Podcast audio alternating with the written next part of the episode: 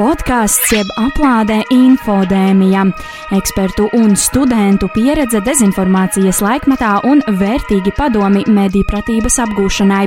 Pirmdienās pulksten piecos radio nabēterā un mūzikas straumēšanas vietnēs.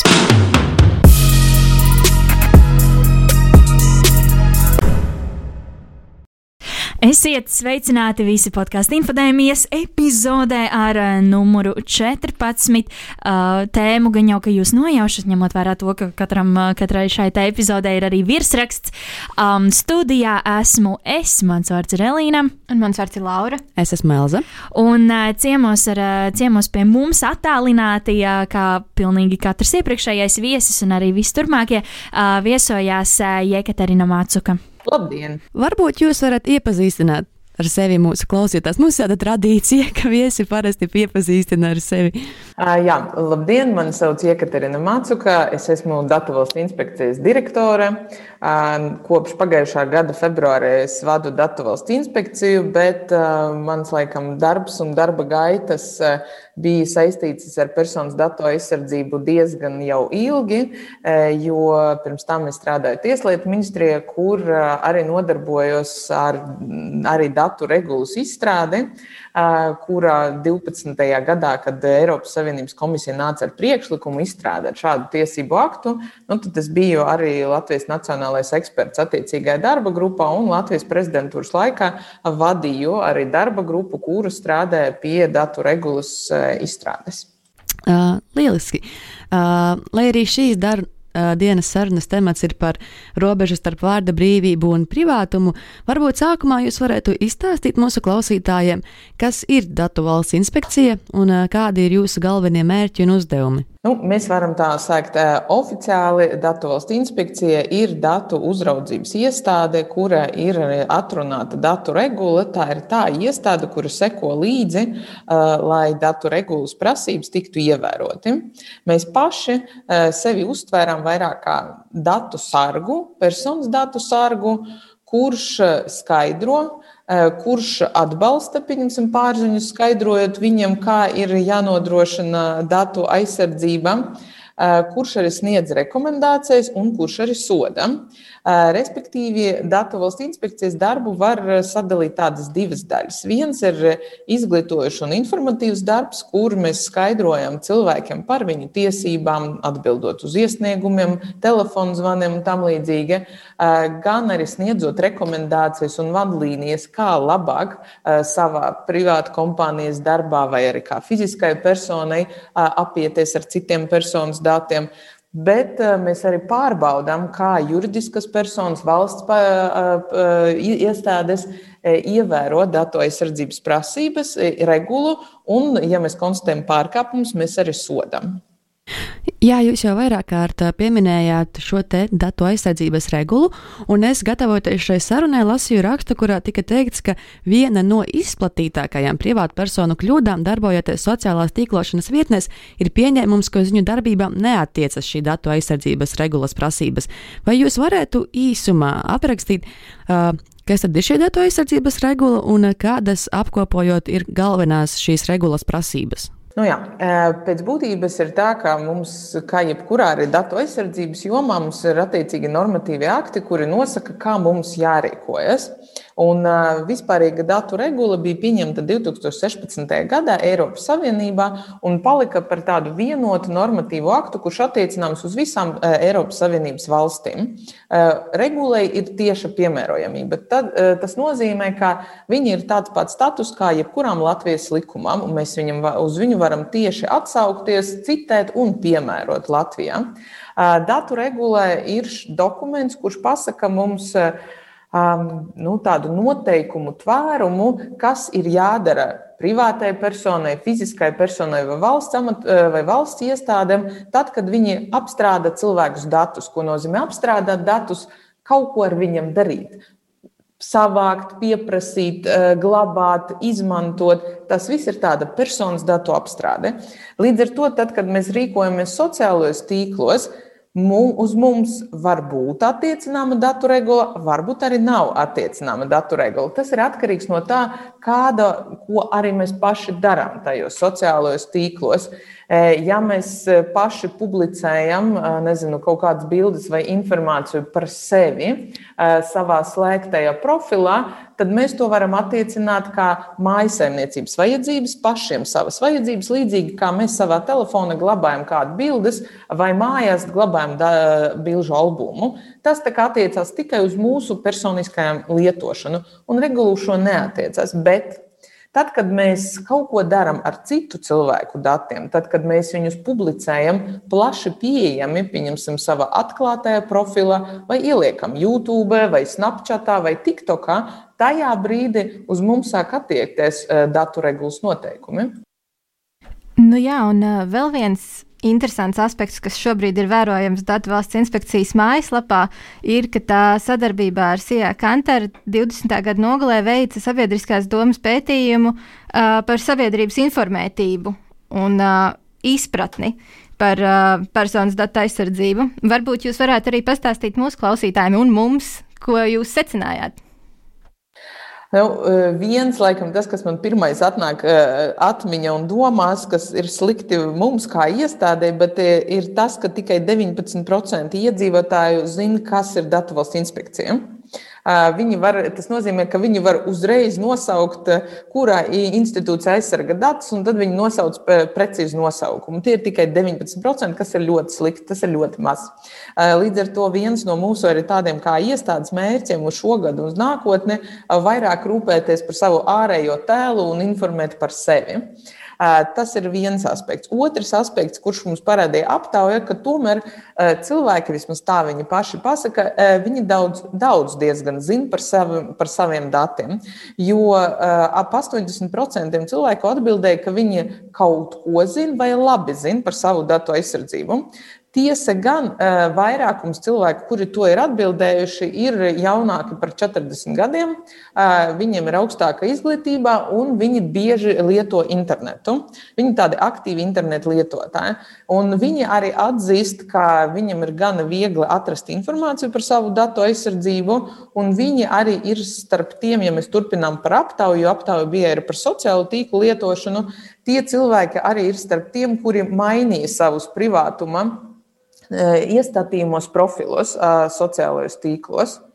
Un vēl kas ir interesants, tāds eh, pēc būtības aptaujā arī parādīja, ka mm, ap, 20, ap 25% cilvēku nemainīja savus iestatījumos profilā, un kad paprasījām, kāpēc, kāds bija par iemeslu, tad lielākoties cilvēki uzskatīja, ka tas ir pašas sociālas platformas īpašnieku un turētāju ziņa, ka viņi jau to izdara defaulta pēc noklusējuma.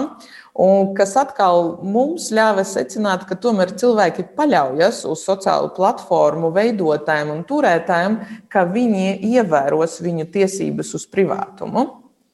Bet kopumā tas jā, aptaujas mums liecināja, ka cilvēki kaut ko zina par datu aizsardzību, paši maz zina par pašu datu valsts inspekciju, eh, bet tomēr viņiem parādās diezgan vairāk nostāja par to, ka tas ir svarīgi. Nu jā, noteikti pats galvenais tas, ka cilvēkiem ir uh, tā saprāšana, ka tas ir kaut kas svarīgs. Bet interesanti, ka, jā, ka daudzi uzskata, ka sociālo nu, mediju teikt, uzņēmumiem jau vajadzētu būt, nu, ka tas jau ir tā datu aizsardzība kaut kur jau ir iekšā, bet ļoti maz zina par to, ka, tas, ka tu pats vari arī kaut ko nomainīt un ietekmēt.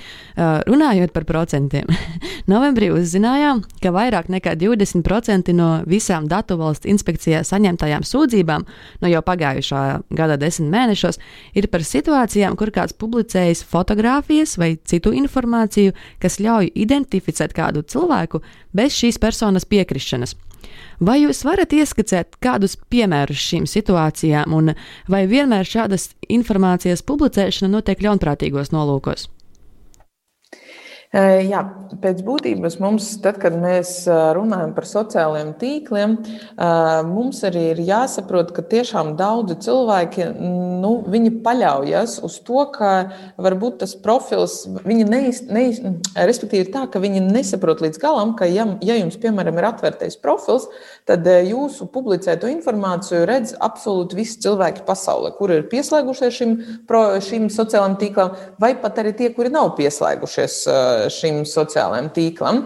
Un eh, bieži vien mēs arī redzam, ka ir daļa cilvēku, kuri uzskata, ka man ir viena alga, man nav ko slēpt, un neko tādu aizliegtu es tur nepublicēju. Tad kāpēc man vispār ir jāmaina kaut kāda privātuma iestādījuma? Un otrā daļa tiešām domā, nu, ka tas ir sociāla platforma, tur ir mani draugi. Nu, tad, laikam, arī mans profils būtu tikai slēgts. Jo īstenībā tam pašam Facebookam kādreiz, kad Facebook sāka darboties, un kādus jau gadus pēc tam, tie profili sākotnēji arī bija slēgti.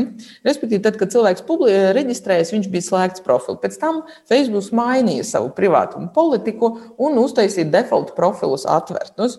Un eh, tad, eh, jā, tad tas ir jautājums par to cilvēku apziņu, kurā nu, varbūt arī sociālajiem tīkliem jāuzņemās tā atbildība par eh, to privātumu, par ko nu, ik pa brīdim, pieņemsim, tādas datu aizsardzības fórumos diezgan sāk aktīvi diskutēt. Ja mēs runājam par informācijas ievietošanu, tad jā, Varbūt arī no tās prezumpcijas, ka tas ir mans profils, es tur publicēju visu, ko es gribu, rodas arī cilvēks priekšstats, ka es varu publicēt de jebko. Un tad mēs saskaramies ar situācijām, kad cilvēki tur nopublicē, nezinu, varbūt dažreiz smieklīgos video. Viņi redz, ka kāds cilvēks zaļumballē kaut kur pēc 12, net, nu, ļoti aizrautīgi, nu, varbūt tā smieklīgi dejo. Viņš viņu nofilmē un ievieto to YouTube vai savā sociālajā tīkla profilā, publiskajā formātā. To visu var nošērot, sākas tā šerošana. Un tad tikai pēc kāda laika tas cilvēks, kurš godīgi atpūta zaļumballē, dejo no sirds un no prieka, uzzina, ka viņš ir kļuvis par TikTok zvaigzni. Jo jau ir miljonus cilvēku noskatījies visas pasaules malā, kā viņš dejoja. Ja? Un viņš jau nedarīja tiešām neko aizliegto, bet tāpat laikā tam cilvēkam ir tiesības noteikt, vai es gribu būt TikTok zvaigzne vai es negribu. Un, ja es kaut kādu deju zaļumu balvu, es deju tajā brīdī, tajā laikā. Tas nenozīmē, ka es kā cilvēks gribu, lai šī informācija tālāk tiktu pavairota. Un šajos gadījumos cilvēkam ir tiesības pateikt, nē, es negribu, lai jūs publicētu manu video kaut kur. Un šeit, tajā brīdī, kad arī tas sociāla tīkla lietotājs, kurš to ievietoja, viņam būtu jāpaprasa cilvēka piekrišana, jo citādāk Protams, mums arī jāskatās, ka tas cilvēks pēc tam to video no interneta, nu, tas ir praktiski neiespējami viņu izdzēst ārā, jo uz to brīdi jau kāds viņu varēja lejupielādēt, pēc tam pēc kāda laika viņš viņu palaist var ātrāk, vēl vienu reizi un vēl vienu reizi. Iespējams, kādreiz, kad tīkli bija mazāk izplatīti, mēs gana mazāk arī aizdomājamies, kad mēs skatāmies paši kaut kādus fani, smieklīgos video raidījumos. Bet šeit ir viens tas, tad, kad tas bija, piemēram, kādreiz tādi raidījumi, kur cilvēks izjokoja, bet tad viņam pēc tam arī brīdināja, ka re, viņš bija izjokots un to, to raidījumu publicēs, viņu parādīs televīzijā. Cilvēks zināja, viņš bija brīdināts, viņš varēja arī atteikties noteiktais gadījumus no šāda. Šobrīd tā situācija ir tāda. Nu, neizsekojama. Vēl viens piemērs, kas, pieņemsim, tā var ilustrēt, ko mēs arī redzējām internetā. Piemēram, parādās vienam cilvēkam bilde, kur ir vīrietis ar savu bērnu, un viņi liek veikalā kraikasīta naudiņu. Tā kā bērnam ir viņu bērna kraikasīte, un viņš no tās kraikasītes izņem naudiņu un ieliek nu, ziedojumu kastītē. Un cilvēks raksta postu, ja es biju veikalā Jelgavā un ieraudzīju šo skaisto mirkli, kad pirms Ziemassvētkiem cilvēki noziedo naudiņu. Paskatieties, cik labi! Un viss ir sajūsmā, visi šero to bildi, visi pasaka, paskatieties, cik labi rīkojas tas vecāks un viņa bērns, un kā bērns nesautīgi ziedo naudiņu. Bet tajā pat laikā šie, šīs vīrietis un viņa bērns, viņi nezina, ka viņus filmē. Viņi nezināja, ka viņu bilde parādās kaut kur, un viņiem, viņi vienkārši atnāca uz veikalu un izdarīja to, ko viņi gribēja izdarīt. Viņi atkal negribēja būt par uh, profilu zvaigznēm, un šajā gadījumā tam cilvēkam, kurš viņus nofotografēja un nopublicēja Facebookā, vajadzēja viņam pajautāt, vai viņi grib tādā veidā paziņot par savu darbību. Un tas ir arī tā, Un vēl viens, protams, ar ko mēs saskarāmies, un jūs jau pieminējāt par ļaunprātīgiem nolūkiem, diezgan daudz arī tādu gadījumu, ka cilvēki ievieto bildes vai video nu, par saviem bijušiem draugiem, bijušiem draugiem, bijušiem paziņiem vai radiniekiem. Tie ir, protams, ar nolūku, lai to cilvēku aizskartu. Un šajā gadījumā, protams, tie cilvēki, kuru bildes vai video ir publicēti, ir neapmierināti, viņi arī vēršās Datu valsts inspekcijā. Līdz ar to mēs arī bijām pagājušā gada beigās. Mums bija tāda kampaņa sociāla, kur mēs informējam cilvēkus, ka viņiem ir jāprasa citu cilvēku piekrišana, ja viņi vēlas publicēt viņu bildes un ja tas ir publiskajā profilā. Viens, ka varbūt es nopublicēju, un te mums arī ir jāatšķir. Protams, ja es atbraucu uz, es nezinu, Romu, kur ir detrevijas trūklaka, un es gribu nofotografēties pie tās trūklakas, un zinot, nu, cik parasti tur ir daudz cilvēku, man fone visnotaļ būs kādas trīs, četras sejas, un es tomēr gribu uztaisīt to savu bildi un nopublicēt Facebook, lai visiem parādītu, ka es tur biju. Šādā gadījumā, protams, jums nav jāprasa piekrišana, jo tie cilvēki bildē ir gadījumā jūsu galvenais fokus tajā bildē uz jums pašam uz jūsu pašu. Un to mēs nevaram uzskatīt par tādu uh, mērķiecīgo datu apstrādi. Bet, ja jūs tiešām mērķiecīgi kādu bildējat, kādu fotografējat, kādu filmējat, tad tā jau ir datu apstrāde. Un, ja jūs uz viņu ieliekat sociālajā tīklā, tas būs datu apstrāde ar elektroniskiem līdzekļiem un publiskajā profilā, tad tā nevar būt vairāk uzskatīta arī par jūsu maisaimniecības vajadzībām. Tā kā uz to attieksies arī regula. Jā, man liekas, ļoti svarīgi tas, ko jūs teicāt, atcerēties, ka neatkarīgi no tā, kādi ir jūsu nolūki, nolūki varbūt jūs gribat kādu cilvēku paslavēt un ielikt sociālajos tīklos, to darīt. Uh, var tikai tad, ja tas cilvēks devis piekrišanu, jo ne visi vēlas arī kaut kādu supervaroņa slavu Facebook. nu. nu jā, jo, piemēram, tas pats, tas pats gadījums, kad, kad teiksim, vecāks ar dēlu iemet iekšā šajā ziedojuma kastītē naudu, varbūt viņiem tiešām nu, nav dzīves sapnis kļūt slaveniem, varbūt viņi vienkārši to gribēja klusiņām izdarīt un, un, un, un negribēja iegūt šo te um, atpazīstamību un publicitāti. Nu, jā, un noteikti, ka neizbēgami mēs nonākam arī pie pandēmijas konteksta, kur šķiet uh, būtiski vaicāt, kas jūsuprāt ir tie lielākie personas datu aizsardzības uh, riski. Uh, laikā, kad, uh, lai ierobežotu Covid-19 izplatību, mēs zinām, principā, ka noteiktām institūcijām ir nepieciešami personas dati, kas citos gadījumos būtu privāti. Uh, Un tad, kā, kā tie varbūt no, no mūsu skatu punkta, kā tie riski izpaužas?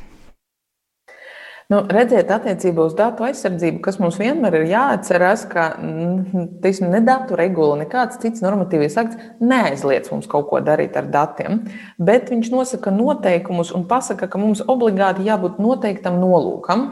Tas mēs varam pateikt, nesakiet, lūdzu, iedodiet datus, bet pasakiet, kāpēc jums viņi ir vajadzīgi. Un e, šeit ir ļoti svarīga tā saikne starp datu izmantošanu un rezultātu, ko jūs gribat sasniegt. E, piemēram, nu, ja mēs skatāmies uz pandēmijas gadījumiem, tad mēs zinām, ka cilvēkam, tad, kad viņš ir ministru kabineta noteikumi, ka tajā brīdī, kad viņš atgriežas no ārzemēm, viņam ir jāievēro karantīna. Tas nozīmē, ka poli, savukārt policija ir pienākums tos cilvēkus, kuri neievēro karantīnu, sodīt. Tas nozīmē, ka, lai policija varētu izpildīt savu funkciju, viņi ir jāzina, kuri ir tie cilvēki. Līdz ar to, protams, viņam ir tas tiesiskais pamats un nolūks apstrādāt datus. Tāpēc arī cilvēki, iebraucot Latvijā, aizpilda anketu, kur norāda savu vārdu, uzvārdu, dzīves vietas adresi un kontaktu informāciju. Tas nozīmē, ka policija iegūst šīs ziņas, kas citādāk, pieņemsim, ja mums nebūtu pandēmija, neviens nepildīja anketas, ielīdojot Latvijā, jo jums nevajadzēja pildīt nekādus pienākumus. Šajā gadījumā, ņemot vērā, ka normatīvos aktos ir noteikts šis pienākums, ir noteikts pienākums arī uh, valsts iestādēji uh, nu, sodīt vai uzraudzīt šo, vai tiešām persona atrada, atrodas savās mājās, viņai ir jāsniedz dati. Un šīs ir tāds pamatots, pamatota prasība, kāpēc mēs to darām. Bet otrais, piemēram, ko mēs redzam, piemērs, bija, varbūt jūs paši arī esat nu, pamanījuši, īpaši tas bija tāds izplatīts pavasarī, kad jūs atnāciet kaut kādā vai nu pakalpojumu sniegšana, es nezinu, vai nu pie ārsta, vai nu kaut kādā arī skaistuma kopšanas salonā. Daudzi bija doši, devuši tādu vai, nu, veidlapas paraugu, kur bija rakstīts, apliecinu, ka es neslimoju ar covid un neesmu kontaktpersonam. Un šajā gadījumā ir jautājums, ar kādu nolūku jūs prasat cilvēkam šo informāciju. Jo, ja viņš slimo, tad viņam atkal ir pienākums sēdēt mājās un slimot. Viņš līdz jums neatnāks. E, ja viņš ir arī kontaktpersona, viņš arī līdz jums klātienē neatnāks. Savukārt, ja viņš e, nav kontaktpersona, neslimo, tikai tajos gadījumos viņš var pie jums atnākt. Tad kāpēc jūs viņam prasat, vai jūs esat slims vai tu esi kontaktpersona? Jo, ja turklāt tas jautājums, kas mums bija, bija uzstādīts tā, vai jūs nebijat, vai jūs pēdējā nezinu, desmit dienu laikā nebijat kontaktā. Bet to es arī uz šo brīdi nezinu. Piemēram, varbūt man rīta kāds piezvanīs un pateiks, ka, ziniet, jūs bijat, man ir pozitīvs tests, mēs ar tevi aizvakar tikamies, tu esi kontaktpersona. Bet šodien es to vēl nezinu. Un, ja es esmu atnācis uz, tā, uz to pakalp, pie tā pakalpojuma sniedzēja, tas nozīmē, ka nu, es neesmu slims un es neesmu kontaktpersona. Bet e, citi mums teica, nu, bet cilvēki taču dažreiz arī pārkāpj noteikumus un, būdami kontaktpersona, kaut kur staigā. Bet tajā brīdī, bet ja viņi tā dara, nu viņi tajā iesniegumā arī jums melos un nekad nepateiks, ka viņi ir kontaktpersona. Un e, šajā gadījumā šādā veida datu apstrāde ir nepamatota un neleģitīma. Jo ko jūs darīsiet ar šiem datiem? Jūs savāksiet tos iesniegumus, nu varbūt tā jums e, dvēselē paliks bišku siltāk, kā e, jums apliecināts, ka neviens nav slims. Bet realitāte tas tik un tā neko nedos. Un tad mēs, kā datu uzraudzība, valsts inspekcija, arī rakstījām, gan uh, publicējām savu mājaslapu, rakstījām valsts iestādēm, privātām iestādēm, kā lūdzu neprasiet no cilvēkiem tādus apliecinājumus, jo jūs pārkāpjat regulu. Ja jūs gribat kaut ko darīt, jūs varat informēt cilvēkus, ka viņiem ir pienākums sēdēt mājās, ja viņš ir kontaktpersona. Un līdz ar to šeit ir arī ir tā atšķirība, jo pirmajā gadījumā mums ir konkrēts nolūks, un mēs, mums, mēs citādāk nevaram izpildīt savu nepieciešamas darbības, ja mēs neapstrādājam datus. Bet ir otrais, kur mūsu datu apstrādē nu, nepie kā nenoved. Tai nav nekāda rezultāta. Mēs vienkārši savācām kaudzīti kaut kādus datus. Jā, ļoti interesanti. Es pieļauju, Dama, tāpat kā daudzi citi cilvēki, nemaz nebiju aizdomājusies par šādām te uh, lietām. Un, jā, nu, Covid-19 izmaina un ievieš viskaudas uh, situācijas un gadījumus visās nozarēs, arī datu apstrādes, kā mēs tikko uzzinājām. Uh, bet atgriežoties nedaudz pie sociālajām tīklošanas vietnēm, tajās mēs arī manījām. Nu, es, piemēram, es manīju, ka Covid-19 laikā ir uh, radušies visādi jauninājumi, tur, piemēram, publiski runāt par cilvēkiem, kas tur ir saslimuši, vai nezinu, vai ar viņu atļauju, vai bez viņu atļaujas. Sevišķi visādi tur dezinformācijas profili ar to izcēlās, ka meklēja kaut kādus, nezinu, cilvēkus, ko nolinčot. Tāpēc man tāds jautājums, ko nekad nedrīkstētu darīt sociālās tīklošanas vietnēs, lai nejauši vai tīšām nepārkāptu citu cilvēku tiesības uz privātumu? Nu, ziniet, laikam tas, tas pamat arī ir tas, kā publicēt informāciju par cilvēku bez viņa piekrišanas vai bez kāda cita tiesiska pamata. Jo šajā gadījumā, protams, pirmais mēs varam prasīt piekrišanu. Ir, protams, noteikti gadījumi, kad mums nevienmēr vajadzēs piekrišanu. Piemēram, tiem pašiem žurnālistikas nolūkiem žurnālisti publicē informāciju par personām par politiķiem, par arī kaut kādām sabiedrību pazīstamām personām, lai atspoguļot noteiktu situāciju. Un tad, nu, ja tā informācija ir kaut kāda negatīva informācija, protams, tā persona nekad jums nedos to piekrišanu. Bet šajā gadījumā jums būs cits nolūks. Jums būs nolūks informēt sabiedrību par kādu svarīgu notikumu. Bet tad jums arī jābūt tam svarīgam notikumam vai kaut kādai diskusijai, kas ir svarīga sabiedrībai. Ja mēs atgriežamies pie Covid-19, tad, protams, pats cilvēks var stāstīt un informēt cilvēkus gan par savu slimību, gan par savām darbībām ja viņš runā par sevi. Ja tie ir žurnālisti, tad parasti arī žurnālisti pirms kaut ko publicēt, viņi prasa cilvēka piekrišanu, ja viņš ir slims. Jo mums ir jāsaprot, ka informācija par veselību ir eh, sensitīva informācija. Tie ir tādas īpašas kategorijas dati ko arī regula izdala atsevišķi un pasaka, ka šie dati ir sargājami vairāk, jo viņu pretiesiska izmantošana var nodarīt cilvēkam krietni lielāku ļaunumu. Un tas pats diskriminācijas jautājums, kā jūs paši minējat, arī tā linčošana. Jo nu, mums ir jāsaprot, ka cilvēks ir slims, viņš neko sliktu nav izdarījis, viņš vienkārši saslimis. Un tas arī bija viens no aspektiem, kāpēc arī pašā sākuma, kad nu, bija sabiedrība arī sociālajos tīklos diskusijas, publicēt adreses, kur dzīvo tie cilvēki. Nē, tas nav iespējams. Jo tas pats ir jums, kā sabiedrībai, jūs neko nevarat izdarīt un nevarat sasniegt nekādu rezultātu dēļ tā, ka jūs zināt, ka e, iela X dzīvokli 5 ir slims cilvēks, bet tajā pat laikā jūs varat pret viņu varbūt no savām bailēm vai agresijas vērsties e, un nodarīt viņam pāri. Tā kā pēc būtības, es domāju, arī sociālajos tīklos mums ir jāsaprot, ka Mums ir katram tiesības, tiesības arī uz vārda brīvību un teikt, ko mēs domājam, bet mums pretī ir arī citu cilvēku tiesības, tiesības uz privātumu.